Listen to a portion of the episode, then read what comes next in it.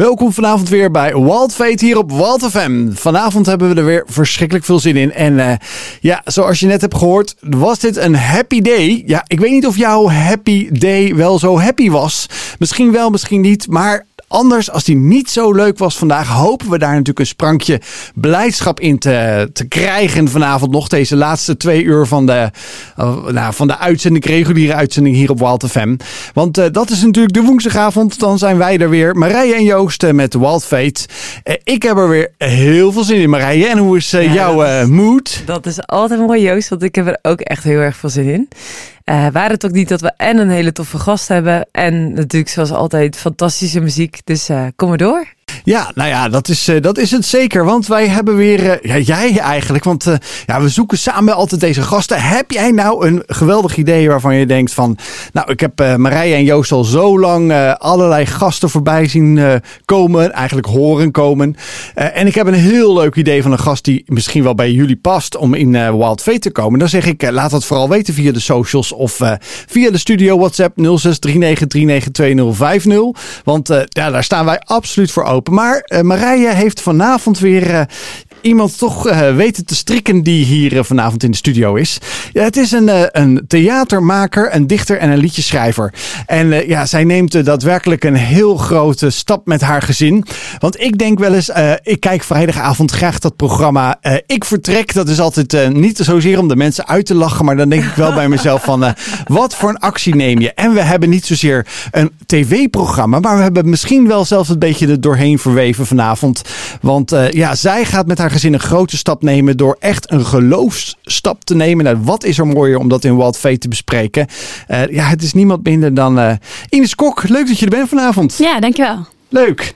Uh, ja, ik vind het wel heel bijzonder. Want ja, ik, ik zou bijna zeggen, ik zei tegen mijn vrouw, we gaan een, uh, een podcast maken over Ik Vertrek. Een podcast, zegt ze, dat is toch een tv-programma? ik zeg, nou nee, onze gast van vanavond, die, uh, die gaat met een gezin vertrekken. En niet om daar een bed and breakfast te beginnen, denk ik in eerste instantie. Maar vooral om ja, een passie te volgen die God ook in haar en haar mans leven heeft gelegd. Dus ik ben heel benieuwd hoe we dat vanavond kunnen verweven in jouw passie voor tekst voor liedjes. En als ik altijd allemaal denk aan tekst, dan zit ik met twee sterke dames hier aan tafel die beide sterk in tekst zijn. En ik ben nou namelijk niet zo heel erg zelf tekstvast. Dus ik hoop uh, dat ik me niet te veel struikel over de woorden.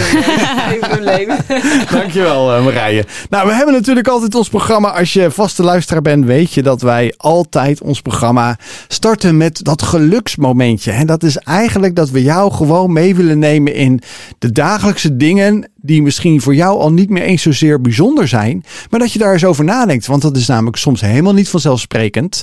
Of juist wel, of juist een heel mooi sprankeltje van de dag. Wat is jouw geluksmomentje, Marije? Nou, ik heb uh, spierpijn. Ai, nu is dat ai. niet zozeer mijn geluksmomentje, maar ik was afgelopen weekend in Ooi. En dat is ten oosten van Nijmegen. En daar heb je dus langs het water, langs de rivier, echt een waanzinnig mooi natuurgebied. En uh, we hebben dus een wandeltocht gemaakt vanuit Ooi naar Nijmegen. Daar heerlijk gegeten en weer teruggelopen. Maar dat was een tocht van, uh, ik denk 2,5 of 3 uur wandelen. Dus uh, ik voel mijn spiertjes nu wel. Oei. Maar het Ja. was het echt absoluut meer dan waard. Het was echt fantastisch mooi. Dus zeg je nu van, ik hou van hiken. Of ik heb gewoon zin in iets heel tofs. Nou, dan is die omgeving in Nijmegen echt absoluut een aanrader. Ja, vanuit de Randstad komen we daar nog niet zo vaak. Nee, ik dat was nog nooit in Nijmegen geweest, dus uh, ik vond het echt een, ja, een pret uh, tochtje zo, zeg maar. Ja, Goed dat is echt heel leuk. En Ines, heb jij ook iets waarvan je zegt van ja, dat vind ik echt, dat was echt iets waarvan ik dankbaar was of wat uh, mijn geluksmomentje is vandaag? Ja, zeker. Gisteravond uh, lag ik op de bank en mijn man uh, was boven, dus ik was lekker alleen. En um, uh, ik had uh, best een drukke dag gehad, um, een training gegeven en uh, op visite geweest. En toen lag ik heerlijk op de bank, kindjes in bed, met een kleedje. En ehm, mijn favoriete kat, Drover, kwam bij me op schoot zitten. En ik was een mooie film aan het kijken. Skater Girl, echt een aanrader. En um, een wijntje erbij. Nou, dat was echt heerlijk. Dus dat was echt even een genietmoment, even rust.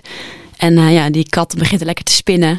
Dus ja, dan, dat is echt een goede afsluiter voor mij van de dag. Ja, fantastisch. Ja. Gaan, gaan de katten ook mee als jullie gaan emigreren? Nee, helaas niet.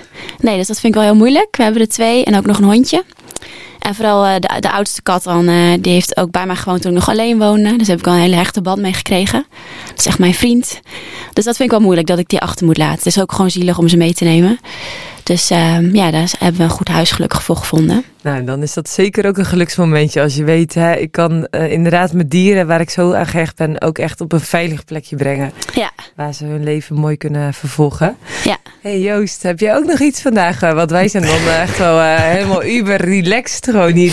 Ja, nou, blijkbaar weer ja. Jij hebt een lekker wandelingetje gemaakt en er zit iemand onder een kleedje. Dat ken ik ook van thuis trouwens hoor, dat, dat relax moment s'avonds op de bank. Nou ja, mijn, mijn zus, mijn, mijn oudste zus, die, die vierde de verjaardag.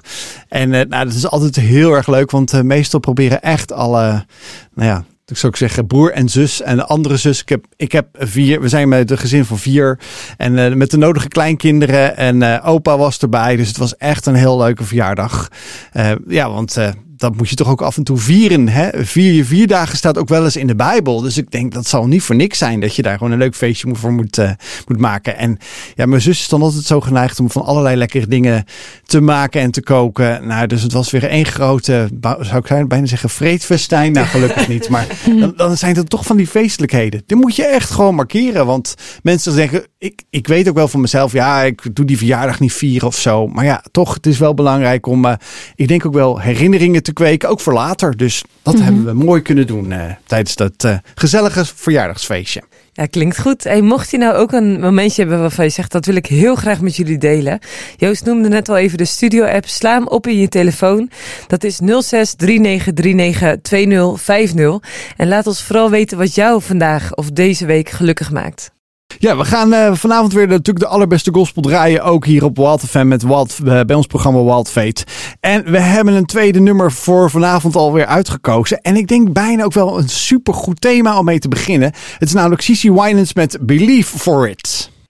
Zo, dat is een heerlijk swingnummer van uh, Cici Winans, Believe For It. Ja, we zijn uh, vanavond hier bij Wild Fate op uh, in gesprek met, in gesprek met Ines Kok.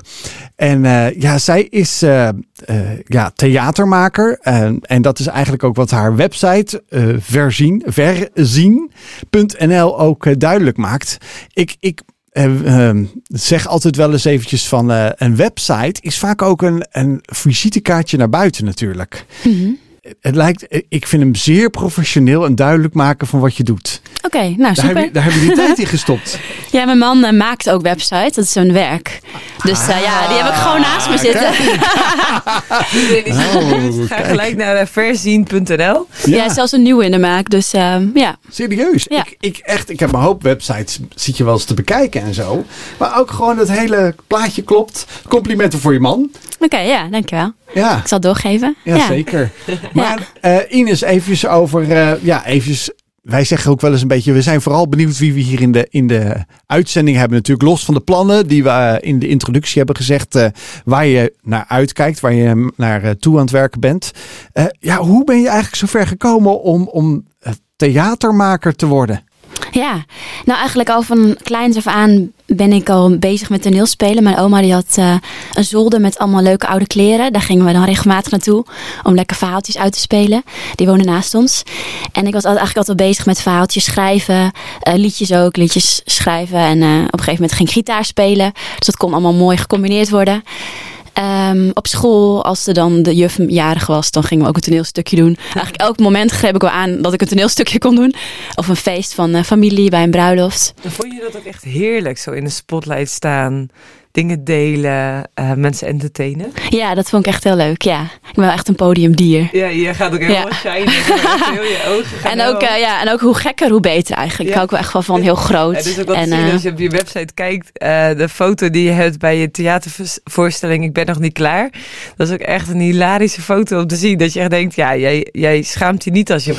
nee. nee. Nou, volgens mij moet je dat ook hebben als theatermaker of, of in ieder geval als artiest. Mhm. Mm -hmm. Dat je niet moet denken van, hoe kijken de mensen naar? Want iedereen de ogen zijn juist gericht op jou als, uh, als artiest. Ja, het is wel een verschil of je een typetje speelt, dat je echt helemaal in een rol kruipt, of dat je echt je persoonlijke verhaal vertelt. En dat was ook wel voor mij wel een, een drempel die ik over moest om mijn solovoorstelling ook te gaan geven. Want daarin vertel ik wel echt gewoon het, het echte verhaal van wie ik ben en wat ik mee heb gemaakt. Ja, dus dat is veel kwetsbaarder. Ja, dus dat is wel, dat is wel een verschil. Ja, en als je, je zegt ook wel van ja, ik was altijd al bezig met dat theater. En dan komt er een keer zo'n keuze inderdaad. Want ik zie dat bij mijn eigen dochters die, eh, ja, die dan een middelbare school hebben gedaan. En dan ga je een open dag bezoeken of even verder kijken van ja, is dit nou ook wel wat ik wil? Eh, dat is bij jou altijd gebleven? Ja, op een gegeven moment uh, uh, ben ik ook gaan zoeken van wat voor opleiding ga ik doen. De toneelschool, academie schrok me een beetje af van dat het toch wel een harde wereld is. En dat waar ik me niet helemaal in thuis voelde. In ieder geval niet wat ik zo zag aan de, in de open dagen. En wat ik ervan hoorde. Toen ben ik CMV gaan doen, culturele maatschappelijke vorming. Dan leer je vooral ook de organisatie rondom uh, bijvoorbeeld theater of andere creatieve middelen heen. En hoe je dat in de maatschappij kan inzetten. En daar kregen we ook wel drama, gelukkig. Dus op school heb ik ook wel uh, theaterproducties uh, georganiseerd. Um, toen heb ik nog mijn lesbevoegdheid gehaald als docent. En ben ik eigenlijk eerst het jongerenwerk ingerold, omdat ik dat ook wel heel erg leuk vond. En ik durfde eigenlijk ook niet de stap te maken voor theatermaker, omdat niemand dat in mijn omgeving deed. Dus dat was ook echt wel iets wat moest groeien. En ja, um, waar ik in moest gaan geloven, dat dat ook voor mij weggelegd was. Nou, uiteindelijk toen ik merkte van nee, dit is toch ook niet helemaal mijn ding in het onderwijs en het jongerenwerk. In die zin dat ik gewoon de creativiteit miste. Um, dacht nee, ik moet echt mijn theater kwijt. En toen ben ik mijn, heb ik mijn eigen bedrijf opgericht, Voorzien. Waarin ik dus theaterproducties kon maken. En je noemde net de theaterschool, de academie was eigenlijk best wel pittig. Mm -hmm. uh, daarvoor koos je ervoor om dat niet te doen. Uh, en misschien luistert iemand en die denkt, uh, wat bedoel je daar eigenlijk mee? Wat is dan zo heftig aan de toneelacademie? Um, ja, wat ik zag was dat je um, heel veel van jezelf moet geven. Um, in de zin van uh, dat je scènes moet spelen um, met, uh, nou, met zoenen en nog veel verdergaand ook op seksueel gebied. Dat sprak me helemaal niet aan. Um, nou, op de open dag bijvoorbeeld werd heel veel gevloekt. Uh, dat zou ik ook absoluut niet willen. Dus het was vooral mijn geloof wat ik niet kon combineren met, met de sfeer daar. Het is ook best wel een prestatiecultuur. Dat is, heb je ook wel in de, helaas ook wel in de andere kunstopleidingen zitten. Uh, waar het heel erg draait om, om de persoon zelf. Dat je zelf dus beter wordt.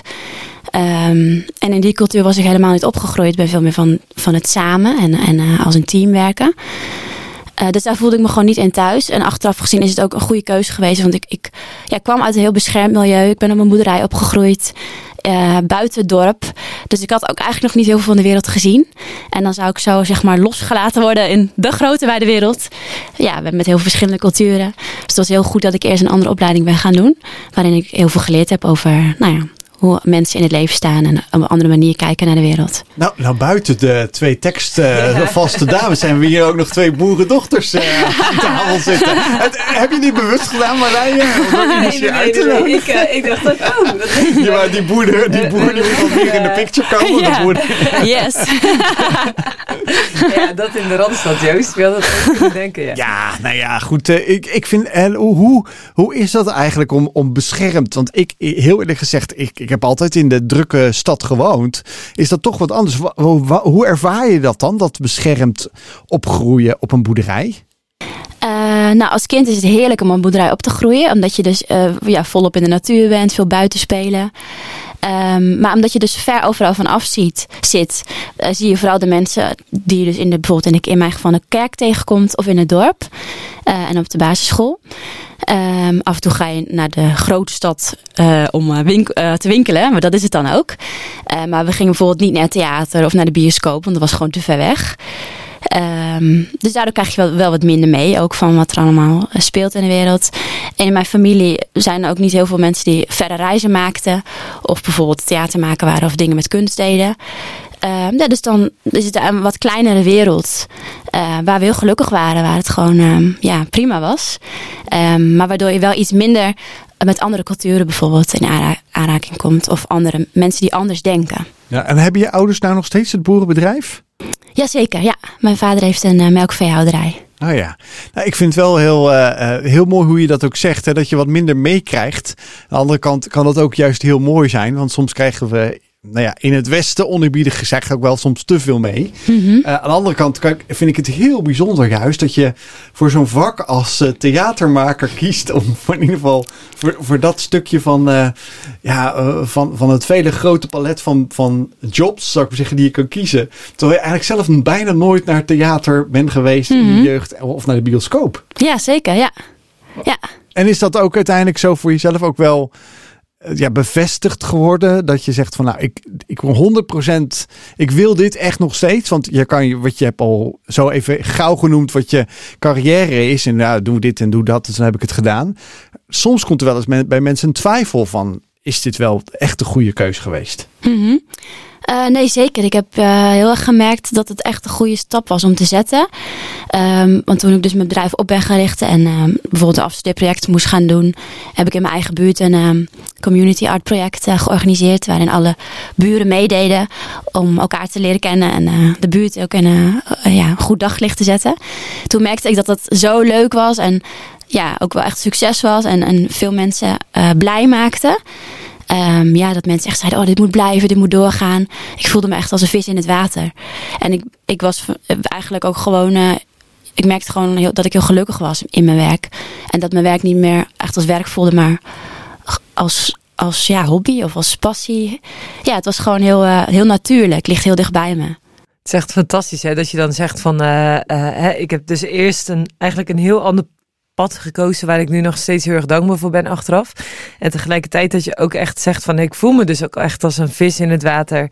Uh, het pad wat ik gekozen heb en waar ik uiteindelijk in wist hè, dat docent zijn en dat jongerenwerk, dat, dat doe ik met veel passie. Maar ik heb nog iets wat nog veel meer bij me past. Mm -hmm, en dat ja. je daar dan in uitstapt, je eigen bedrijf start en ook echt weet, ja maar dit is ook echt mij. Dit is echt gewoon wie ik ben en wat ik te bieden heb aan deze wereld. Ja, en je merkte dat, dat als je dan bijvoorbeeld uh, meer, meer uren moet maken, dat je over moet werken of dat je in je vrije tijd nog dingen moet doen voor je werk. En als, dat vind ik dus niet erg. En dan merk je, oh ja, dan heb ik wel echt nu het goede beroep gekozen. Dit was uh, Strongholds van Chris Tomlin. Welkom terug bij uh, Wild Fate. Wij uh, zijn vanavond in gesprek met Ines Kok. En ja, ze vertelt ja, eigenlijk hoe ze als boerendochter, en dat is, zei ik al hier, we hebben ook Marije natuurlijk die als boerendochter hier aan tafel zit. Dus het is een, een sterke eenheid hier aan tafel. Ja. Ik als westerse jongen hier. En het is heel bijzonder hoe Ines vertelde hoe ze ja, echt werd bevestigd over haar keuze om te worden. Want ja, als je beschermd wordt opgevoed, zoals ze dat ook uh, benoemden. En uh, ja, zelfs uh, tot ja, misschien wel in je middelbare school nog nooit naar het, of weinig naar theater of bioscoop ben geweest. En dan toch zo vasthoudt aan iets. En ja, bijna ook wel roepingen, zeggen we wel.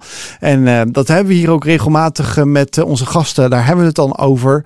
vind ik het echt heel gaaf dat je dan ook ja, ben, ja, ben, ben gaan verder kijken van hoe kan God mij gebruiken in ja, mijn uh, passie voor mensen. Want uiteindelijk maak je het met mensen en voor mensen, toch theater? Mm -hmm. Ja, zeker, ja.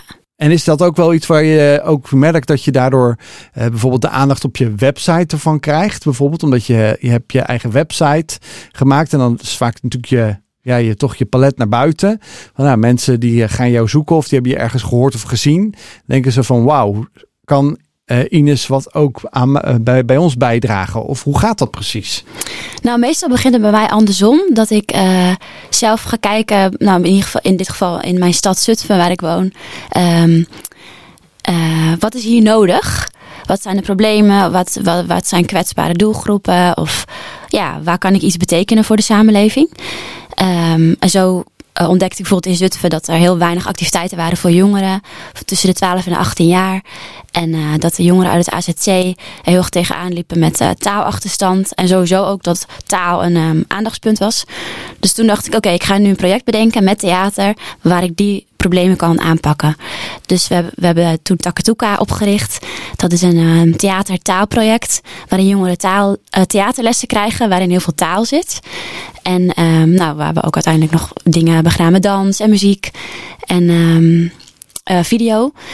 Um, dus dan pak je eigenlijk theater als middel om een ander doel te bereiken. Oh, wat gaaf. En was er uh, goede respons op? Ja, zeker. Ja, we hebben eh, twee jaar kunnen draaien. eh, met een groep van 20 jongeren of zo. En ehm, er waren dus Nederlandse jongeren en jongeren uit het AZC. Dus dat was ook de leuke combinatie ervan. En daarmee hebben we echt hele mooie dingen gedaan. En eh, ja, het is heel, heel fijn geweest. Echt een familie werden we. Oh, wauw. Ja. En je zegt er lag dus nadruk op taal. Hoe gaf je dat dan invulling? Eh, nou, theater kun je dus natuurlijk eh, ja, zonder, zonder spreken doen, maar ook zeker met. Dus dan zorgde ik juist dat we heel veel oefeningen deden waarin je dus eh, nou, Nederlandse zinnetjes moest gebruiken. of woordjes uitbeelden. maar ook samen een stuk schrijven. Dus de jongeren moesten dan natuurlijk gewoon de tekst leren van hun Oh ja. scène of waar ze in zaten. Eh, dat was al een hele goede taaloefening op zich. Ja, ja, echt. Je, je, bent, eh, je hebt echt wel wat met taal. eh, zoals we al eh, vaker eh, hebben gezegd deze uitzending. Nou heb ik ook gezien op je website bijvoorbeeld. Je bent ook bezig met, eh, met muziek. Zelf muziek maken. Mhm. Eh, hoe, verweef je, hoe, hoe verweef je dat dan ook erin? Want ik bedoel, ja, ik, ik zeg wel ze zeggen van wauw, ik ben echt van zoveel elementen thuis. Want zangen of zingen, dat, leer je dat dan ook op de theaterschool? Of is dat eigenlijk ook nog een extra talent wat je hebt? Ehm, ja, ik heb dat niet op school gehad, inderdaad. Ehm, ik heb een eh, regisseuropleiding gedaan. Dus dat was echt gericht op theater maken. Ehm, en het zingen heb ik meer zelf bijgespijkerd met zangles. En vroeger heb ik op een kinderkoor gezeten. Mijn oma nam me mee naar het kinderkoor. ik was niet zo'n koormens, want ik wilde graag eigenlijk eh, Zelf li- zingen. liever zelf gewoon de liedjes uitkiezen. Maar af en toe mocht ik alleen zingen. Eh, dat vond ik al wel heel leuk. Ja, en ehm, ja, dus op die manier heb ik eh, ja, dat zelf een beetje laten groeien in die zin. Ja. Ja. Wat is nou in al die jaren hetgene waarvan je zegt, dat vond ik echt het tofste om te maken? Oh, dat is eh, ja, een goede vraag. Ehm, ik denk dat ik het mooiste vind om samen met anderen theater te maken. Ehm, en de laatste productie die we met het buurtheater hebben gedaan, eh, dat is het Theaterproject De Hoven. Ehm, dat was een ehm, futuristische voorstelling in de uiterwaarden. Bij ons, we hebben een IJssel en daar ja, heb je een mooie, mooi wandelgebied omheen. En hebben we in coronatijd hebben we daar eh, geoefend en gerepeteerd. Het was ook heel, heel koud soms en hagelbuien getrotseerd. Eh, maar uiteindelijk Ja, hebben we wel doorgaan. ja, we konden wel doorgaan omdat het dus buiten was en in kleine groepjes. Uiteindelijk hebben we daar een hele vette productie neergezet met allemaal futuristische kostuums. En een enorm team ook die ons hielp met de kostuums maken. En eh, nou, zat een hele planning achter. En het geeft me gewoon heel veel voldoening als je met heel veel mensen ja, samen iets maakt. En iedereen doet zijn dingetje. De ene die eh, nou, zat bij de kaart, kaartverkoop, de ander speelde. Weer de ander die danste. En eh, dat vind ik gewoon heel leuk. Dat je, ik hou echt van dat familiegevoel. Dat je dan samen als familie, van jong tot oud, van iemand van 70 die samenwerkt met iemand van eh 5. En dat je dan samen zo iets moois neerzet. Waar je dan nog jarenlang op kan teren eigenlijk. Ja, dat is ook echt wat je doet. Als jij iets gemaakt hebt, dan kun je er echt ook zo lang van nagenieten. Ja, en nu kom je elkaar tegen in de buurt en dan zwaai je naar elkaar. En anders had je elkaar nooit leren kennen. Maar nu omdat je dit samen hebt gedaan, eh, dat, dat is iets wat blijft. Is dat ook de essentie van wat je doet? Mensen met elkaar verbinden? Ja, zeker. Ja, dat vind ik heel belangrijk. Ik vind eenzaamheid heel erg. En ehm, dat is echt wel een, iets wat ik graag wil aanpakken. Mensen bij elkaar brengen. En ook van verschillende ehm, werelden bij elkaar brengen. Dus verschillende culturen of verschillende afkomst, verschillende leeftijden. Dat is wel eh, wonderlijk, hè? Als je eh, in het eerste blokje deelt over eh, dat je beschermd bent opgegroeid. En dat je nu echt zegt, ik wil echt alles met elkaar, alles en iedereen met elkaar verbinden. Culturen, nationaliteiten, mensen. Ja, Dat moet wel helemaal in liggen. Want ik moet wel heel ik zeggen, want je ziet wel terug vaak mensen van het, het platteland onderbieden gezegd. Daar is de achterdeur daadwerkelijk open. Die zetten hem soms niet eens zelfs op slot. Zeker op boerderijen weet ik dat wel. Ja, tegenwoordig moet je hem misschien wel echt op slot doen, omdat het niet anders kan. Maar, maar wel dat daar gewoon ook die connectie is. Want je deelde ook van, we kennen elkaar. Nou, heel eerlijk gezegd, ik woon in de grote stad. En als ik kijk in mijn eigen hofje waar ik woon van de, wat is het, 25 huizen, ken ik er misschien maar nou, misschien de helft. Als ik me dat al überhaupt denk van welk huis woon je ook alweer en wat doe je? Of wie ben je eigenlijk? En dan, dan is dat al eh, zo anders, denk ik, dan dat je in eh, zo'n omgeving opgroeit. ja, zeker. Mijn ouders waren wel heel, altijd heel erg ehm, open voor iedereen. Iedereen mag altijd bij ons aankloppen. En mijn vader is ook heel erg organisatorisch ingesteld en ehm, van mensen helpen. Dus daar heb ik wel echt ook wel van thuis meegekregen van... eh, eh, we zorgen voor elkaar. We wonen op een familieerf, dus mijn tante wonen nog naast ons. Mijn opa en oma, we hadden een winkel. Dus daar kwamen natuurlijk ook wel mensen naartoe. En op een gegeven moment, uh, toen waren de varkens weg, omdat dat, dat niet meer genoeg opleverde. Dus hadden we lege varkensschuren. En toen is mijn vader dat gaan verhuren als atelierruimtes. Toen was ik al iets ouder, ik denk vanaf dat ik 15 was. En toen kregen we kunstenaars op ons erf. Oh, dus uh, nou, dat was natuurlijk ook uh, leuk. Dus in die zin uh, ja, kwamen de mensen wel, wel naar ons toe. In die, ja. Ja. ja, dat is natuurlijk ook echt wel heel mooi. Hè? Het is, ik kom dan dus ook van het platteland, ben ook boerendochter. En dan is het ook altijd, hey, je bent er dus eentje van deze of deze. Uh, en dat is natuurlijk altijd grappig, hè? Want, want mensen vinden daar dus ook wat van. En tegelijkertijd biedt het ook heel veel veiligheid of heel veel gekend zijn van je hoort ergens bij. Ja.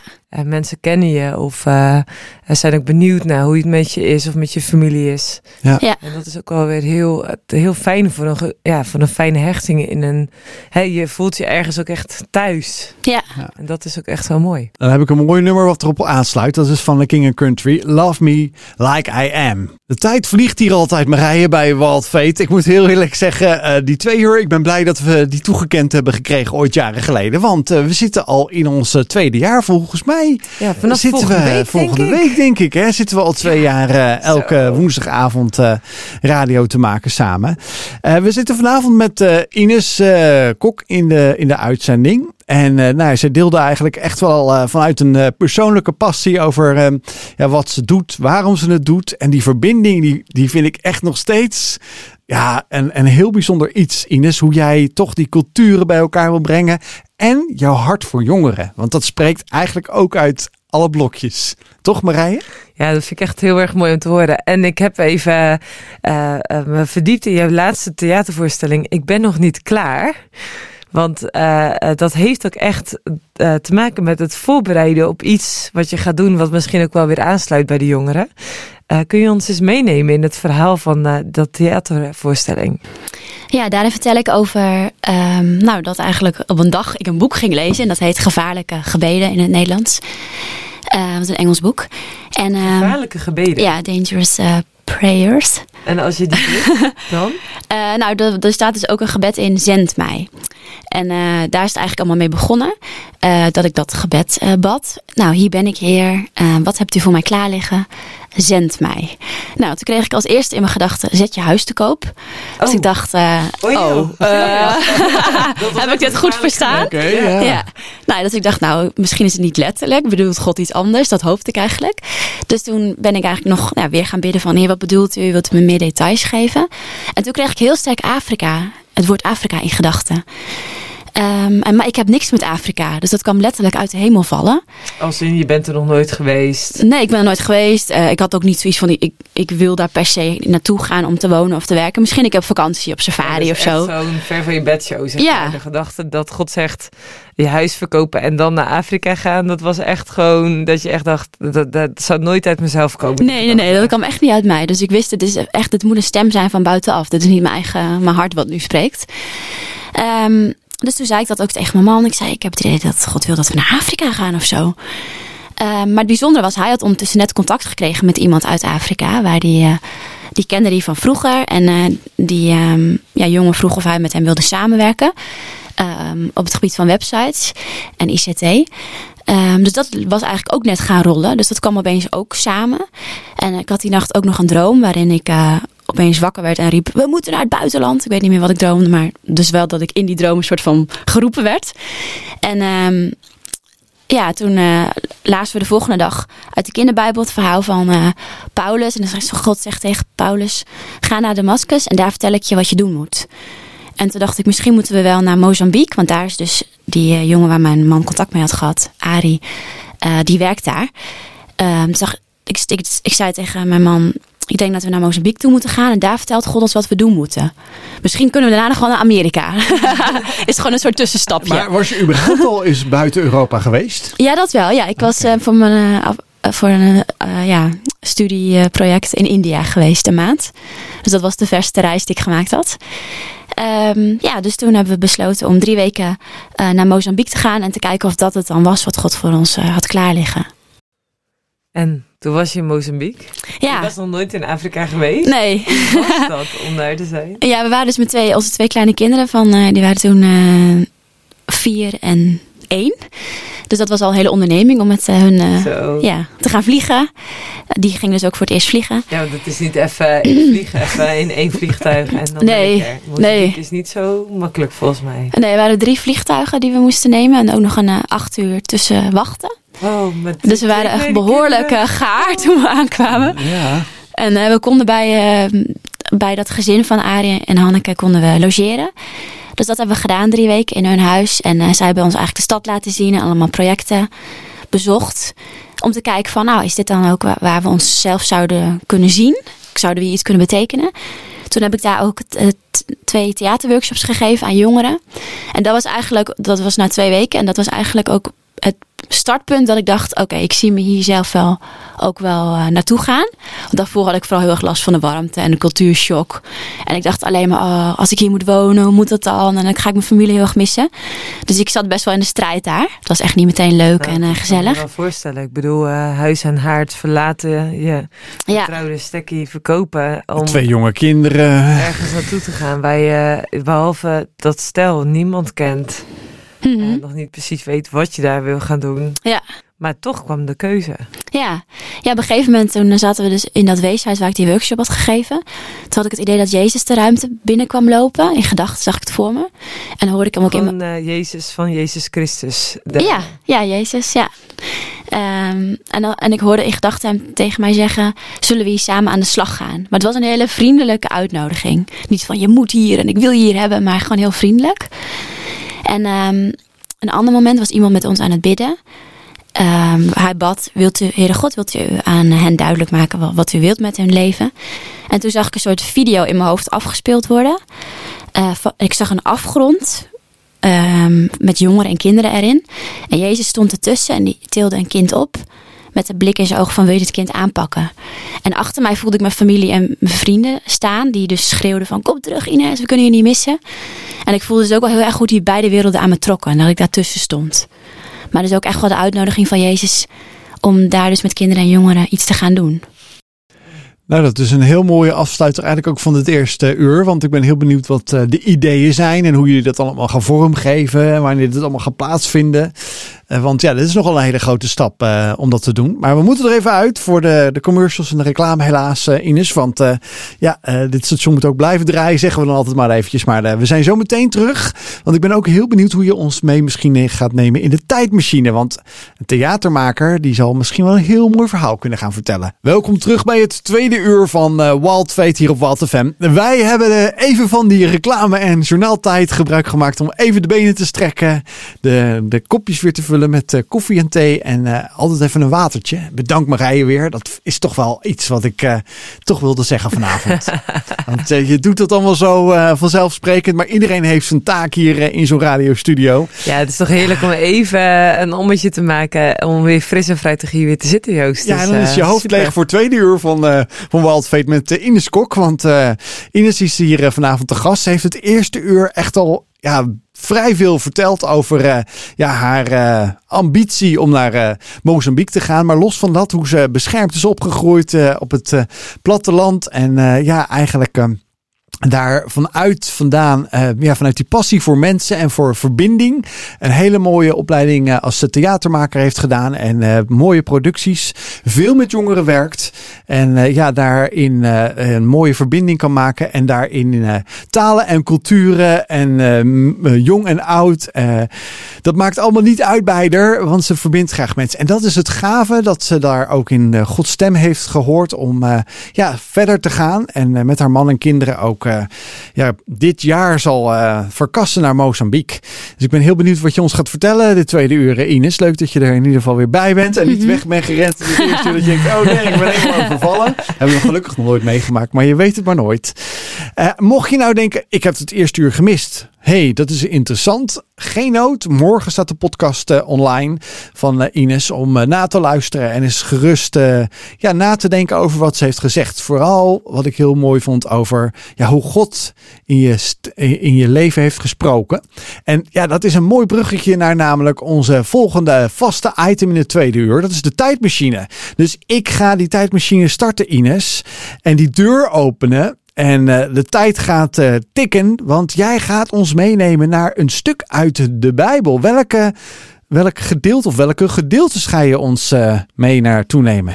We gaan naar Hooglied 2. Hooglied. Nou, dan kan ik je alvast vertellen als luisteraar. Dat is in het Oude Testament. Dus dat is in het eerste deel van de Bijbel. Die 66 boeken. We gaan naar Hooglied. Neem ons mee, Ines, in jouw verhaal. Ja, we vallen midden in een liefdesscène. Een scène van een jongen en een meisje die veel van elkaar houden. En aan elkaar vertellen hoeveel, hoeveel ze voor elkaar betekenen.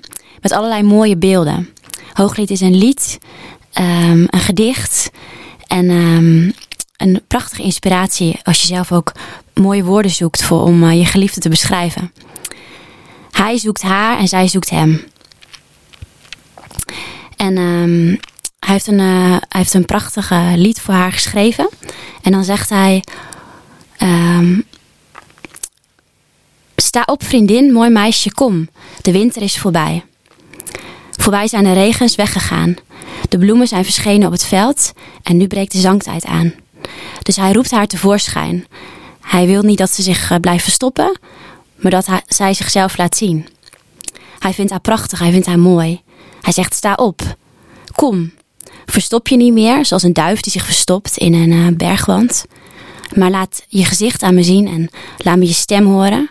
Want ik vind je stem zo lieflijk en je gezicht zo mooi om naar te kijken. En zo hoeven wij onszelf niet te verstoppen. We mogen zijn zoals we gemaakt zijn, zoals God het gemaakt heeft. En helemaal tevoorschijn komen. En God is eigenlijk ook onze geliefde.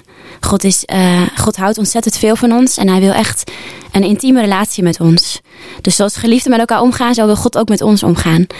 En um, er kunnen tijden in je leven zijn dat je verdrietig bent, uh, dat je moeilijke dingen hebt meegemaakt. Tijden van rouw, dat je dingen moet verwerken. En dat is helemaal, helemaal goed. Dat is heel belangrijk om daar de tijd voor te nemen.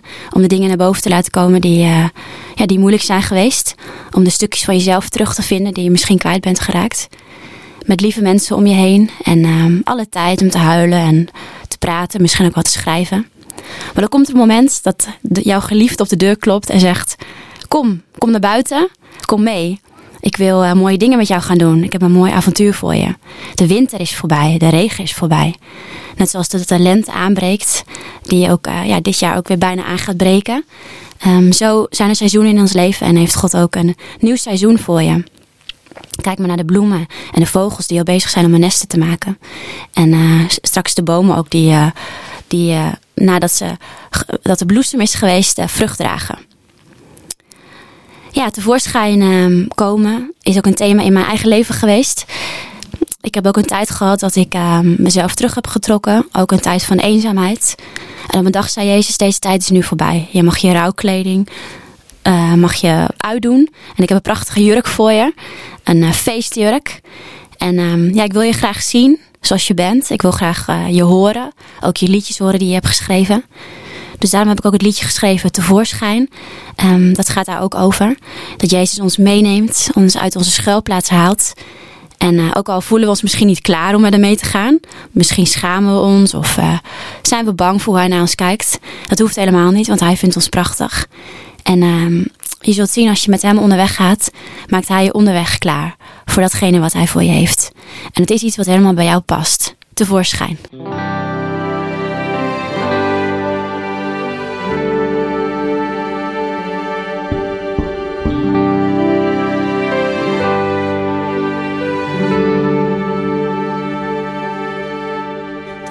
Is weggekropen tot het eerste licht mij vindt. Ik durf niet te hopen dat een nieuwe tijd begint. Ik schuilde voor de regen, die is voorbij gegaan. De stilte was een deken,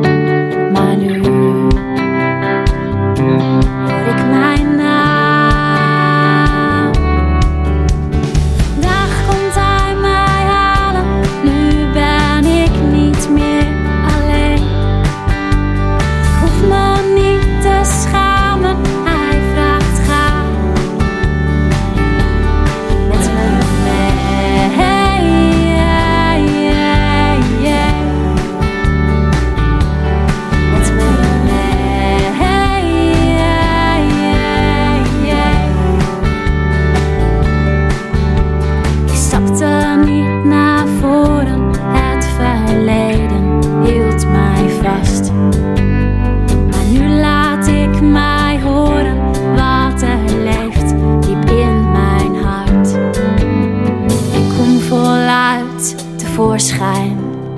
Wat ben je mooi, zegt hij. Niets houdt mij meer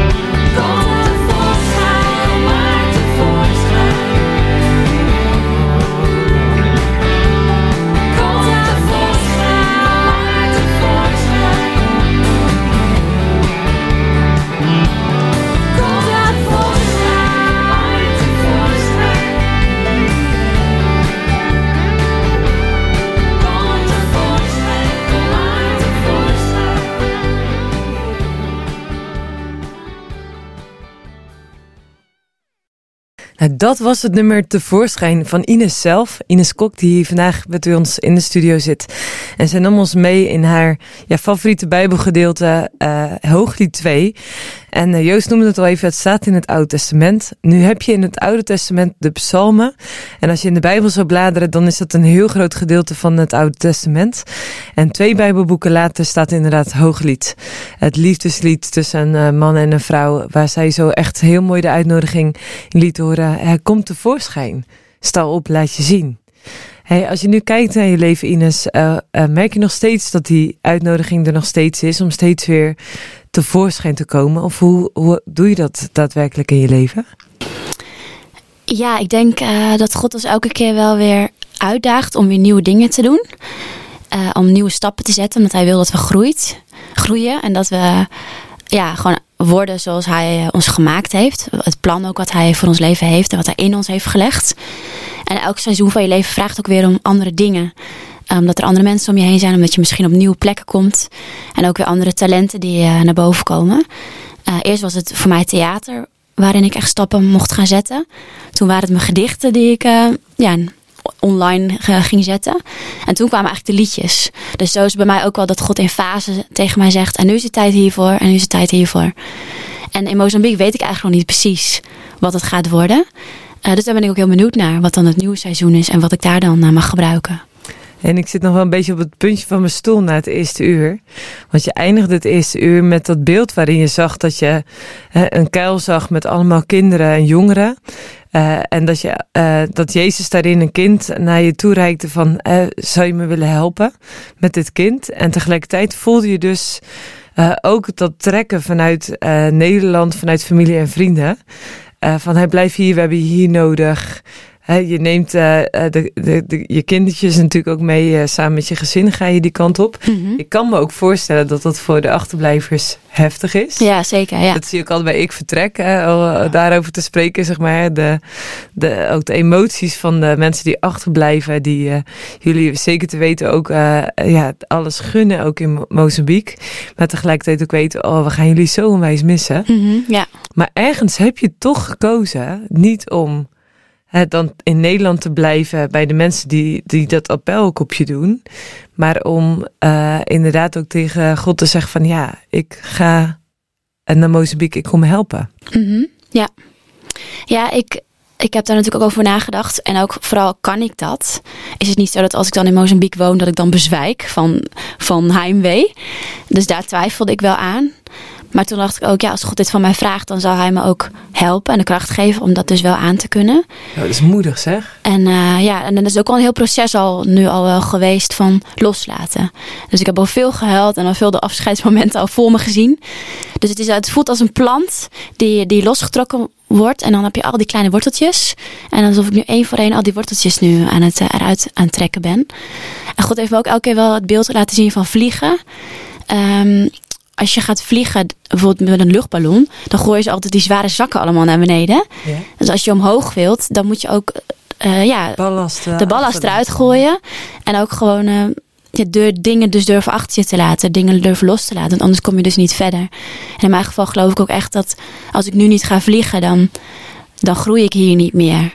En dan ehm, ja, ehm, kom ik niet op de plek waar God, waar God wil dat ik naartoe ga. En hoe doe je, eh, zeg maar, wat zijn dan concreet van die zandzakken die je als het ware overboord gooit? De dingen die je loslaat? Ehm, ik ben bezig geweest wel met dingen uit het verleden. Bijvoorbeeld een thema was eenzaamheid. Om dat aan te pakken, om daarin te gaan van waar kwam die eenzaamheid vandaan. Ehm, ehm, ja, tijden van onzekerheid en minderwaardigheidsgevoelens die ik had.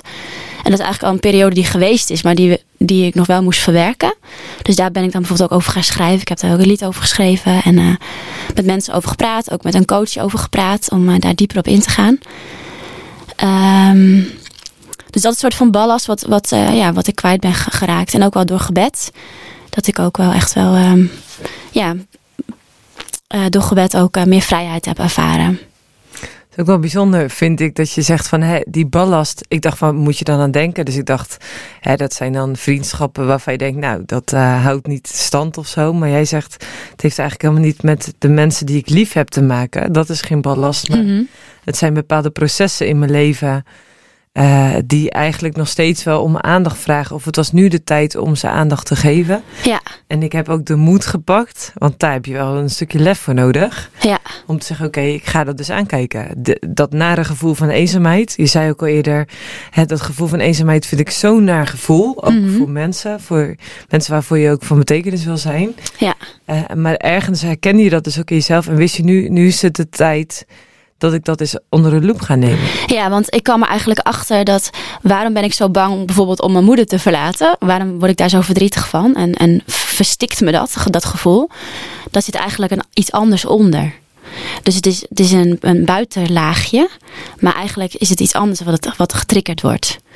En dat is vaak zo met onze angsten.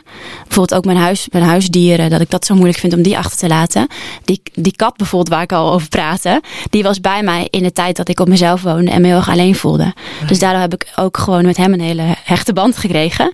Maar eigenlijk triggert hij mij dus ook weer aan die tijd. Dat was toen een relatie wat, eh, wat over is gegaan, waar ik veel verdriet van heb gehad. En ik was, ik was opeens op mezelf gaan wonen. Mijn familie was wat verder weg. En ehm, nou, mijn werk eh, was moeilijk. Dus het was eigenlijk alles bij elkaar. Zo. En eh, ja, dan kom je er dus achter, hé, hey, daar ligt nog iets uit- in het verleden. Wat nog geheeld mag worden. Waar, waar ik nog mee naar God mag gaan. En eh, ja, waar ik eh, op een nieuwe manier mee mag leren omgaan. Zo mooi, hè? Als Ik, je, wou- ik wou zeggen, ik hoor ook wel hier eh, dingen even zo aanstippen waar ik denk eh, iedereen wel een keer mee te maken heeft of te maken heeft gekregen. Want ik bedoel, ja, dat is natuurlijk wel zoiets hè, van, eh, ja, je laat dingen los, er komen weer dingen op je pad. Eh, het is een komen en gaan. En eh, ja, we zeggen wel, we hebben allemaal wel een rugzakje bij ons. Maar de vraag is ook van, inderdaad, gooi je er ook wat van die ballast uit om het draaglijk eh, te houden en te kunnen blijven dragen voor jezelf. Mhm, ja. Dat, eh, of om überhaupt te kunnen gaan vliegen. Ja, want dat is wel belangrijk om de, dan de lucht in te kunnen natuurlijk. Ja, ik denk dat veel mensen dus eh, aan de grond blijven hangen. Omdat die ballast eh, vastpakken en aankijken misschien nog zo spannend is, zo moeilijk is. Mhm. Eh, eh, of dat ze eh, eigenlijk alleen maar aan het kijken zijn van hè, ik wil vliegen, ik wil vliegen. En niet be- bewust zijn van hè, durf ik ook te reflecteren in wat, waardoor ik dan dus nog niet de lucht in ga. En dat, dat gaat eigenlijk automatisch. Mhm, ja. Als je die ballast eruit gooit, dan ga je vanzelf de, de lucht in. Ja, we hebben echt net het over die ballast. En wat is dan eigenlijk ook wel de momenten om te gaan vliegen, zoals je al zei. Nou, dat is natuurlijk wel het nummer van eh New Unknown van Jesus Loves Electro, waar we net even naar hebben geluisterd. Eh, Ik kies nooit helemaal, ja, de muziek kies ik natuurlijk wel uit, maar de thema's, hoe ze dan weer aan elkaar eh, worden gekoppeld zo tijdens onze uitzending, vind ik altijd waanzinnig tof, Marije. Ja, De je- New Unknown. Want cool. ja, je gaat natuurlijk vliegen. Je zei je stijgt op. Maar ja, sommige mensen stijgen niet op. Maar ik denk wel dat ook jullie daarin natuurlijk een roeping hebben ervaren. Om natuurlijk eh, wel, wel op te gaan stijgen. En echt, ja, heel eerlijk gezegd, één keer naar Mozambique geweest. En je gaat gelijk je hele hebben en houden je huis verkopen. Als God spreekt, we gaan ons huis verkopen. Twee jonge kinderen. Ja, en we gaan daar gewoon ook echt een, eh, eh, ja, een nieuw leven starten. Mhm. Dat vind ik echt heel bijzonder ook. Dat jullie die stap durven nemen. En dat komt ook wel, denk ik, ook omdat je dat beschreven hebt. Omdat je dingen hebt losgelaten. Los zijn geweekt van de angsten. Want ik vond Mhm. ook dat je dat mooi omschrijft. Van waarom wil ik zo dicht bij mijn moeder blijven? Of waarom is mijn kat zo belangrijk? Ja. Er zit uiteindelijk achter alle dingen zit wat, hè? Ja, Wat- What's in it for me, zeggen ze wel eens. Of eh, juist niet voor mij, maar voor een ander. ja. Dat vind ik wel heel bijzonder dat jullie dat gaan doen. Mhm. Ja. Zijn er geen mensen die zeggen jullie zijn gewoon knettergek? Ja, zeker. nou, we hebben ook veel contact met eh, Iraanse vluchtelingen. En voor hun is het natuurlijk andersom. Zij zijn naar Nederland gekomen als veilige haven. Dus toen ik dat voor het eerst aan onze Iraanse vrienden vertelde, dachten ze echt, ja, maar dat, dat kun je je kinderen toch niet aandoen? Dat je uit je veilige land gaat. Nou, voor hen ook een, een eh, ja, misschien een gevaarlijk land of eh, anders, wat ze misschien ook niet kennen. Ehm, dus dat begrepen ze helemaal niks van. Van hoe wij dat onze kinderen kunnen aandoen en onszelf. Dus ja, daar komt natuurlijk ook gewoon wat voor achtergrond je hebt. En, eh, Ja, Ja. en ook volgens mij raakt het ook al wat je het eerst zei van hè, eh, eh, God sprak zo duidelijk voor jou dat, je, dat er zo, zoveel bijzondere dingen bij elkaar kwamen dat je haast niet anders kon dan erkennen dat is de plek waar we naartoe moeten. ja, ja. Ik ben wel benieuwd, hè, Gods stem verstaan. Ehm, ik, kan me zo maar voorstellen dat mensen luisteren en denken: hé, God, überhaupt God. En dan ook nog een God die dan spreekt, een God die je kan verstaan. Eh, wat, is, wat is jouw reis daarmee geweest? Hoe heb je Gods stem leren verstaan? Praat hij ook echt tot jou? Eh, hoe werkt dat? Mhm. Ja, eigenlijk heb ik dat al vanaf kind. Dat ik eigenlijk altijd tegen God praat, hardop of eh, in mijn gedachten.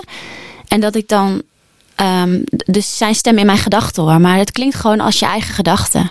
Dus zo dichtbij is het. Dus ik denk dat mensen het ook vaak veel te moeilijk maken. Want ik hoor ook bijvoorbeeld niet een hoorbare stem van hem. Maar het, lijkt een gesprek met je eigen gedachten. Maar omdat ik met hem verbonden ben en mijn leven aan hem gegeven heb. En als kind aan eigenlijk al gewoon geloofde dat hij er was. Gewoon heel vertrouwd, als een vriend. Eh, is dat gegroeid. En weet ik gewoon, dit is God. En zeker als hij dan dingen zegt over Afrika en je huis verkopen. Dan weet ik, dit komt niet uit mezelf.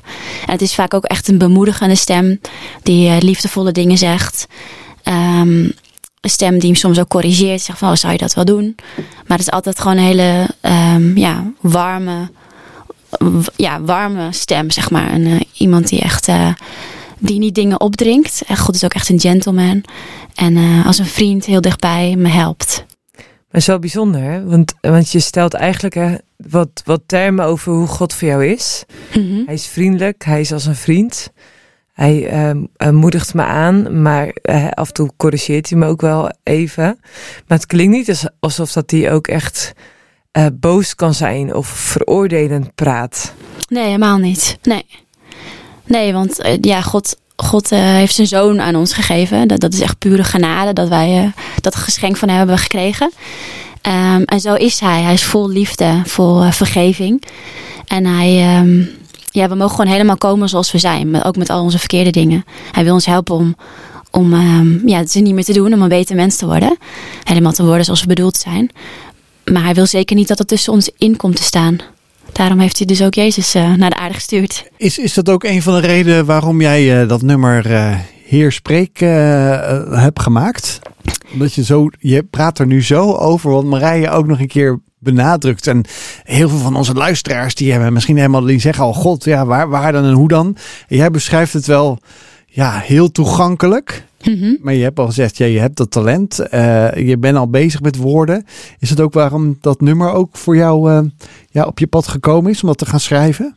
Ja, en dat ik het ook wel heel belangrijk vind dat we ook afgestemd op hem blijven. En dat is een radiostation, zeg maar. Dat je, dat je op de goede frequentie afstelt. Dat je eigenlijk ook weer met God connectie maakt.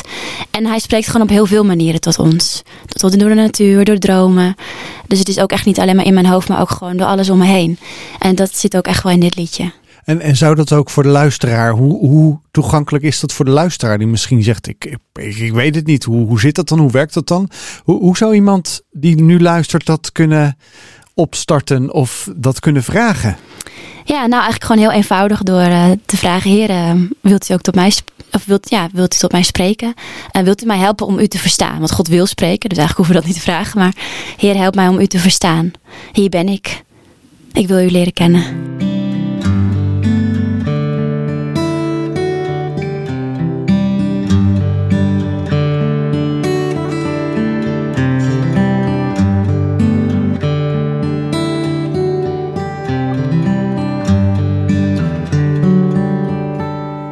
Spreek, Heer, spreek, Heer, spreek tot mij, ik luister.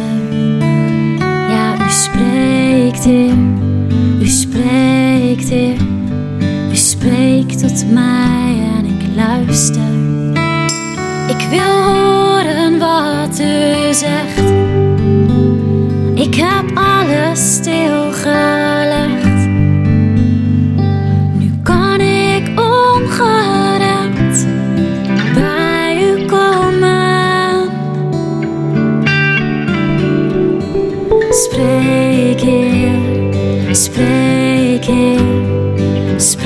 Tot mij, ik luister. Ja, u spreekt, Heer, u spreekt,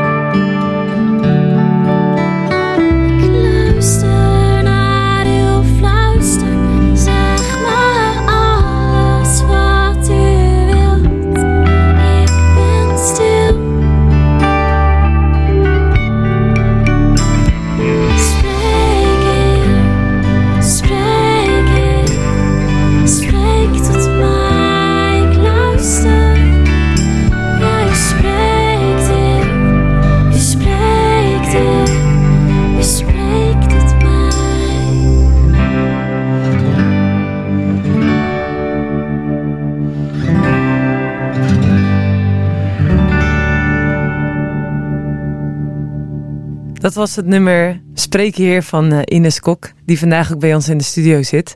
En zij gaat met haar eh, gezin een enorm avontuur aan. Want ze gaan namelijk als gezin naar Mozambique om daar het bedrijf van haar man als eh, websiteontwikkelaar, ICT'er, verder op te gaan bouwen. En daar ook actief aan de slag te gaan om van betekenis te zijn voor jongeren in Mozambique. En nu is het wel echt heel tof, want je hebt de afgelopen maanden eh, rondgetoerd met een theatervoorstelling. Ik ben nog niet klaar. Eh, hoe ver ben je inmiddels? Want inmiddels is het bijna zover. Ja. Ben je er klaar voor? Jazeker, ik voel me er nu wel klaar voor. Oh, wat goed. Ja, we moeten heel veel wachten op documenten. En dat wachten helpt dan ook wel dat je denkt, ja, nou mag het wel een keer eh, echt gaan komen. Nou, je, je zei ook al van, eh, je, je- los van die theatervoorstelling, zei je, ja, we gaan ons huis verkopen. Dus is, eh, hebben jullie serieus een koophuis wat al verkocht is? Ja, eh, zij is verkocht aan vrienden van ons, dus dat is wel heel leuk. Oh, fijn Dus ook. eh, ja, die zijn daar ook heel blij mee. En dan is op een, gewoon een fijne manier kun je dan gewoon ja, je huis overdragen in goede handen. Ja. Zijn jullie er al uit? Uit het huis. Nee, dat niet. Nee, eh, half maart ehm, gaan we eruit. Oh, het is wel fijn. Dus je kunt echt wel gewoon eh, eh, je verder voorbereiden met al je spulletjes nog in huis. En dan ook echt weten wat wil ik meenemen, wat niet. Ja. Sla je dan nog dingen op in Nederland of ga je echt alles eh, verkopen? Ja, we gaan er wel wat bij onze ouders opslaan. Mijn oma heeft nog een grote zolder. Oh, ja. dus eh, we- kunnen wel iets nog achterhouden. Ja. Hoe heet ze ook weer? We hadden die, eh, die zangeres hier, die eh, theater, die ook eh, een tour doet en die, die zijn op een boot gaan wonen. Hoe heet Ja, ze ook alweer? Natalie- Ja, Natalie Natalie Boy. Boy. Ja, Ja. natuurlijk. Ja, die eh, komt ook, eh, die is ook eh, nou ja, een levensveranderende stap gaan, gaan doen. Ja, door dus een, zij hebben ook ja. een huis verkocht. Oké. Ja. Omgeving Deventer, ook een beetje bij jou in Ja, de ik ken haar wel. Ja. Ah, ja. En zij is dus op een zeilboot gaan wonen. Het doet ook vloggen, net zoals jullie. Oh, wat leuk. Over het leven op een, op een boot. Dus zij hebben een zeilschip waar ze nu eh, ook in de winter gewoond hebben. ja, Dus we moeten er eens een keer inbellen om Ja. te horen hoe het met haar gaat. dat is misschien wel een goed idee Ja. naar aanleiding van deze uitzending. Maar even terug, eh, pra- pak het nog eh, Ines. Eh, je, hebt, je zegt ook van ik heb die, die theatertour natuurlijk gedaan. Die, maar dat is natuurlijk dat is wel een inspiratie. Want een theatertour is niet vijf minuten wat vertellen. Of eh, tien minuten. Dus dat moet natuurlijk ook echt een voorstelling zijn. Hoe, hoe is dit? Ja, het thema is natuurlijk duidelijk naar aanleiding van wat we bespreken. En nu ben je er steeds meer klaar voor. Maar, maar wat voor een invulling geef je dan aan zo'n theatervoorstelling? Wat, wat komt er, heeft er allemaal de revue gepasseerd in die voorstelling? Ja, het is eigenlijk een afwisseling van eh, dat ik het verhaal vertel, of zoals ik die ook al nu heb verteld. Ehm, hoe het begonnen is en hoe we uiteindelijk tot de stap gekomen zijn. Eh, maar er komen ook eigenlijk wel angsten eh, naar boven, wat ik, waar ik bang voor ben en wat ik moeilijk vind. En dat heb ik ook op een luchtige manier ehm, verwerkt. Bijvoorbeeld, ik heb een typetje, dat is de GGD-dokter. En die eh, zingt een heel lied over alleen maar ziektes die je allemaal kan krijgen als je als je naar Mozambique toe gaat. Dat heb ik dan heel erg uitvergroot natuurlijk. Maar dat was wel ook toen in het echt ook wel werkelijk dat we dus eh, dachten, oh oké, dat, eh, dat staat ons te wachten. En bijvoorbeeld een typetje die, die heeft het ontzettend heet. Een boerin die naar Afrika is verhuisd. En daarover klaagt hoe verschrikkelijk heet ze het wel niet heeft. Met allemaal metaforen. Ja. Eh, maar ook liedjes zitten erin. En eh bewegingsscènes. Dus het is eigenlijk gewoon een afwisseling van, eh, van Was alles. het voor jezelf ook een manier om je in je kopje ook een beetje voor te bereiden? Ja, zeker. Ja, het, is heel, het werkt heel therapeutisch. Want ik kan me zo Ja. voorstellen dat theater dus het verbindt mensen. En mensen kunnen misschien vanuit een ander perspectief even naar dingen kijken. En maar je kunt eigenlijk ook heel goed natuurlijk inderdaad zelf dus ergens mee dealen. Of woorden geven aan iets wat, wat je dan wellicht uitvergroot en waar iedereen om moet lachen. Maar wat Ja. ten diepste natuurlijk wel iets herkenbaars raakt. Ook voor iedereen wel. Ja, want ik heb bijvoorbeeld ook de Holland Blues geschreven. Dat is dan een blues over dat, de, alle dingen die je uit Nederland mist. Op een gegeven moment zat ik gewoon met mijn zoontje een broodje hagelslag te eten. Ik dacht, ja, dat is op een gegeven moment daar straks ook niet meer. Dus ja, dan komen inderdaad zulke dingen naar boven. De lekkere Nederlandse kaas, de pindakaas. Ja. En, oei, oei. Ja. Heb je, heb je ook met mensen gesproken die, eh, die zo'nzelfde soort gelijke stap hebben gedaan? Los van de mensen die jullie bezocht hebben in Mozambique? Ja, ja, toevallig. eh, Gisteren zijn we nog bij zulke mensen geweest die daar twaalf jaar gewoond hebben. Ook precies op de plek waar wij ook eh, gaan wonen. Oké, wauw. mooi. Eh, maar dat is wel heel fijn, ja. Want dan hoor je allemaal verhalen en hoe fijn ze het daar gehad hebben. En die vertellen juist over hoe moeilijk het is om weer naar Nederland te komen. Eh, maar die, eh, ja, die vertellen wel echt hoe, wat een rijkdom het is om, om ehm, daar te wonen. En dat je zoveel leert van de mensen daar. Ik ben En, wel eh, benieuwd, wat, wat maakt voor hun moeilijk om weer in Nederland te integreren? Eh, ze hebben hele hechte ehm, ja, banden opgebouwd met de mensen daar, de- met de mensen die de- van de bevolking. Eh, omdat je gewoon van alles meemaakt en omdat je ook geen familie hebt, hecht je daar ook weer sneller Ja, aan, aan mensen. Dat wordt dan een soort van je familie. Dus dat zeiden ze dat ze die heel erg missen, de mensen. Maar ook gewoon het land met de cultuur, met altijd lekker buiten leven. En ehm, ehm, ja, misschien ook wel de, de eenvoud, de puurheid, die misschien in Nederland eh, toch wel een beetje weg is. En ook ehm, in Nederland is iedereen toch veel meer op zichzelf. En ehm, ja, zoals in Mozambique zijn de mensen heel erg van de community. En dat is heel rijk. Je bent nooit alleen daar en iedereen helpt elkaar daar. En dat zijn we toch in Nederland soms ook een beetje ja, kwijtgeraakt. Ja, dat is wel een beetje terug, terug naar je roots, let ik een Ja. Want Mijn, mijn zus die heeft eh, jarenlang in eh, Benin in West-Afrika gewoond. Met haar twee kleine kinderen. Die zijn, eh, ze is alleen voor de bevalling van de jongste heen en weer gevlogen naar Nederland. Maar ja, zes weken later zat ze alweer in het vliegtuig terug. Het, het enige wat ik weet, dat de, de pittige tijden waren, was inderdaad soms, soms eh, ja, is dan, het klinkt een beetje gek. Je bent wel met veel mensen, maar de eenzaamheid kan soms in, in, in sommige momenten je bevallen, eh, overvallen. Maar ze zei wel, mijn enige pittige tijd was geweest toen mijn jongste eh, ook malaria kreeg. Want ja, dat is gewoon iets wat je gewoon linksom of rechtsom in West-Afrika gewoon niet kan vermijden. Mhm. Dat het gewoon, hoe goed je je ook insmeert onder een, onder een klamboe ligt, het een keer gebeurt. Maar vanwege als je goed leeft, goed gezond eet, ja, gewoon eh, daarin de goede zorg krijgt, is het ook prima te overleven. Want ze hebben niet één keer malaria gehad, maar meerdere keren. Mhm. En ze leven nog steeds in goede gezondheid, gelukkig allemaal. Ja, Maar dat zijn wel van die dingen. Voor mij als. Kijk, dat is natuurlijk voor de buitenste. Ik spreek dan eventjes zoals misschien jij ook eh, gezinsleden moet achterlaten hier. Ja, het was wel ver weg, weet je. Je miste toch wel ergens met verjaardagen en, en, eh, en momenten met ja, familieaangelegenheden. Dat ja, eh, mijn zus er niet was met mijn, eh, met mijn zwager en twee kinderen. Weet je wel? En dat is los van eh, gelukkig mobiele technologie bijvoorbeeld. is natuurlijk prachtig.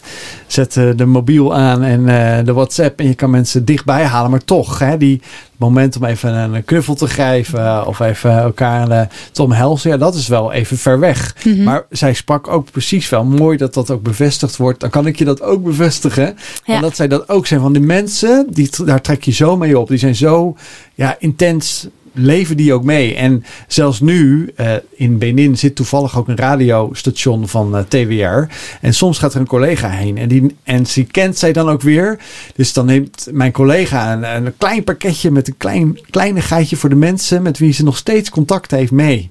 Nou, dat is al acht jaar geleden. Oh ja. Zeven jaar geleden. Dus moet je nagaan. Dat is precies ook wat moois wat omschreven wordt. Dus Mhm. dat neem ik, geef ik je graag van harte mee. Dat Ja, daarin ook een nieuwe familie ook voor jullie zal eh ja precies. ontstaan. Ja, ja, Ja. dat is heel mooi, ja. Ja, hè? Ja. Nou, mooi vooruitzicht. We gaan eh, even er eh, tussenuit. Want ik heb een waanzinnig gaaf nummer van Jarvis Campbell over hoop. Welkom terug bij Wild Fate hier op Walt FM. Je hebt zojuist geluisterd naar Jarvis Campbell met het nummer Hoop. Nou ja, als er eh, iets is wat denk, denk ik ook wel eh, eh, in het gedachtegoed zit van Ines en haar man en de kinderen, is om hoop te brengen, om nieuw eh, ja, verbinding te brengen in, in Mozambique, waar ze naartoe zullen verhuizen. Zullen emigreren zelfs. Waarin eh, de laatste puntjes op de i worden gezet met eh, documentatie. En eh, nou, wat nemen we wel, wel mee en wat nemen we niet mee in de koffers. Ja, Want dat zullen niet zo heel veel spullen zijn. Want er gaat geen hele verhuiswagen heen, begrepen we. Even tussen de muziek door eh, naar, eh, naar Mozambique. Dus er moeten ook nog keuzes gemaakt worden. Mhm. ja dat is best lastig. Van. Keuzestress. Ja, wat heb je echt nodig als je daar bent? Hoeveel mag je meenemen?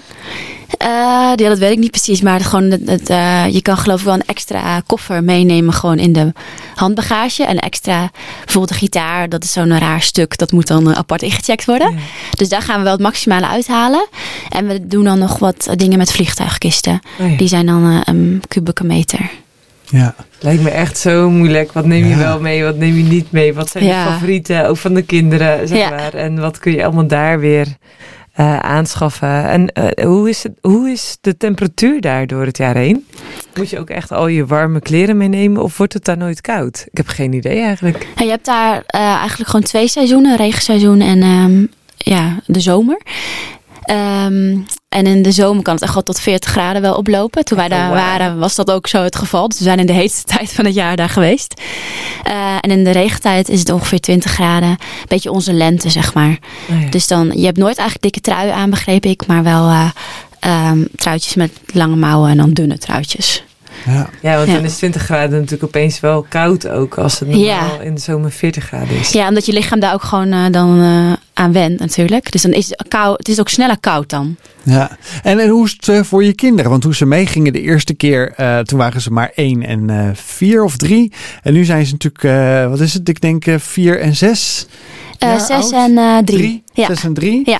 Eh, dus dat houdt in dat natuurlijk ook wel een beetje de spanning, sensatie, of ze denken we zien het wel gebeuren. Ja. Maar ik weet als eh blanke, die een aantal keer in Afrika geweest is, de Muzungu, de, de, de blanke, die heeft wel alle aandacht als je vaak daar eh, woont en leeft of eh, over straat loopt. Want, eh, Ja, dat ze dan die denken van... eh, koppies die, eh, die jullie Oh, kinderen hebben. ja, hoe, hoe, eh, hoe is dat geweest de eerste keer en hoe ben je er nu mee, mee bezig met de kinderen? Ja, nou toen we de eerste keer daar naartoe gingen, we, vonden ze het helemaal leuk. Ze waren echt meteen helemaal thuis. En mijn zoontje was echt van de zandbak. Dus, en het is daar één grote zandbak. Ze zat gewoon lekker midden op de weg te spelen. Dus ja, dat is echt, het is een heerlijk leven voor de kinderen daar. Omdat het gewoon zo lekker buiten is en eh, lekker vrij. En het is wel grappig, want de Afrikaanse kinderen eh, ze wilden ook heel de aan hun haar voelen. Mijn zoontje heeft eh, blonde krulletjes. Dus was en blond en krullen. Dat hadden ze nog niet zo vaak gezien. Dus op een gegeven moment, mijn zoontje was, was aan het rennen. En een heel groepje Afrikaanse kinderen kwam achter hem aan. En hij zei, mama, help! Van, eh, help, bevrijd me. Dus dat was wel grappig. En eh, ja, nu ziet mijn dochter er wel tegenop. Want eh, ja, ze zit nu in groep drie. Dus ze moet natuurlijk de klas en de juf eh, loslaten. En opa en oma. Dus dat vind ik wel sneu voor haar. Als ik aan haar vraag, heb je zin om naar Afrika te gaan? Dan zegt ze ook nee. Oh, Maar goed, ik denk ook dat het gewoon tijd nodig heeft. En eh, ja, ze is nog jong. Dus in die zin eh, kunnen ze wel eh, snel... eh, ja, want het zal, schakelen. het zal geen Nederlandse school zijn, denk ik. Nee, ze gaan naar een internationale school. Met het Amerikaans onderwijs. Dus daar zal ze allerlei culturen ook weer tegenkomen. Ja, Ja, want dan leren ze dus Engels, Portugees. Ja. Leren jullie ze ook nog Nederlands? Ja, dat moeten wij dus thuis eh, goed gaan bijspijkeren. En natuurlijk Ja. praten we zelf Nederlands, maar dat schijnt wel echt een, eh, ja, een aandachtspunt te zijn. Dat ze dat niet verliezen, ook de grammatica bijvoorbeeld. En, eh, Ja. Ja, dus dat je daarin ook kijkt van, hey, moet je dan inderdaad... Maar je hebt heel veel van die online eh, mogelijkheden om ook eh, eh, met leuke spellen en dingen... Ik heb wel vaak mensen gehoord inderdaad die dan internationaal ergens gewoond hebben. En dan ook wel op zo'n manier, dus op een leuke manier, hun kinderen echt nog Nederlands konden leren. mhm. Oh ja, ja. Want ja, als je ooit terugkomt naar Nederland of zij zegt van laten hey, mam, we gaan studeren in Nederland. Ja. Ja, Dan is het wel fijn als je wel je Nederlands goed op, op peil hebt. ja, en het contact ook met opa's en oma's en de familie natuurlijk is ook belangrijk. En, Ja. en als je dan gewoon bepaalde woorden helemaal niet kent.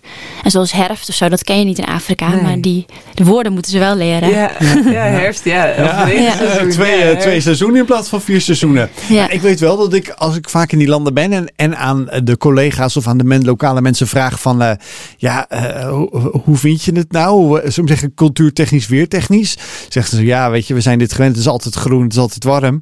Ja, dan, zeg, dan leg ik dus bij ons uit in Nederland, ja, we hebben sneeuw, en we hebben de, de blaadjes vallen van de bomen. Dan kijken ze je echt zo aan van, wat, wat zit je nou te vertellen voor onzin? Dat hebben wij hier niet hoor, het is altijd groen, het is altijd warm. Je Ja. kan altijd de zee in, zou ik maar zeggen. Mozambique heeft een prachtig strand. eh Ja. we hebben echt een heel groot strand. Mhm. Ja, dus eh, ik ben heel benieuwd hoe dat, eh, ja, hoe dat ook eh, daar in die culturen met elkaar vermengen zal gaan. Het is heel interessant om je te blijven volgen. Want ik neem aan dat je ook een website hebt waar mensen ja, kunnen kijken wat jullie nu nog doen of wat je al gedaan hebt. Ja, ja we, eh, ik heb de website eh, www.verzien.nl. En eh, op YouTube hebben we ons eigen kanaal over Afrika. Dat heet Cocktails. K-O-K-T-A-L-E-S. En eh, op mijn eigen YouTube kanaal staan ook allerlei leuke filmpjes en liedjes. Dat is eh, Ines Verzien. Kijk. Dat was superleuk. Het is in ieder geval echt een heel erg gaaf, spannend, enerverend eh, eh, avontuur wat jullie ingaan. Ja. En ik eh, wens jullie ook echt een hele goede laatste voorbereiding. Ook met kiezen van hè, wat neem je wel mee, wat neem je niet mee. Eh, eh, daarin alles organiseren en het huis leegruimen. Mhm. Voordat het overgaat naar jullie vrienden. Ja. Dus heel veel succes ook met de laatste loodjes. Ja, dankjewel. En natuurlijk echt een waanzinnig mooi avontuur gewenst. Ja, Ja. daar gaan we voor. Ja, bedankt Ines hoe je ons hebt meegenomen vanavond eh, hier bij Walt eh, FM, bij Walt Veet. De luisteraar hebt geïnspireerd om misschien ook wel eh, Gods stem eh, ja, te leren verstaan. En dat het eigenlijk heel eenvoudig is. Want hij wil altijd spreken, alleen wij moeten leren luisteren. Want ja, we kunnen het andersom ook altijd maar praten. En als we dan nooit de tijd nemen om ja, te luisteren, dan kan er ook nooit een antwoord komen vanuit God. En dat heb je mooi omschreven, hoe hij ook tot eh, jou en uiteindelijk ook tot het gezin heeft gesproken. En dat je daarin ook eh, ja, je, je hart volgt. En eh, dan wens ik je ook heel veel succes en zegen bij. En eh, deze laatste fase van eh, hier in Nederland te zijn en eh, vertrekken naar, eh, naar Mozambique. Dankjewel dat je hier was vanavond. Graag gedaan. En ik wens je een hele mooie tijd toe daar samen. En eh, ja, Marije, tot volgende week gewoon weer, toch? Ja, absoluut. Ja, dan zijn we er weer. Kijk ernaar uit.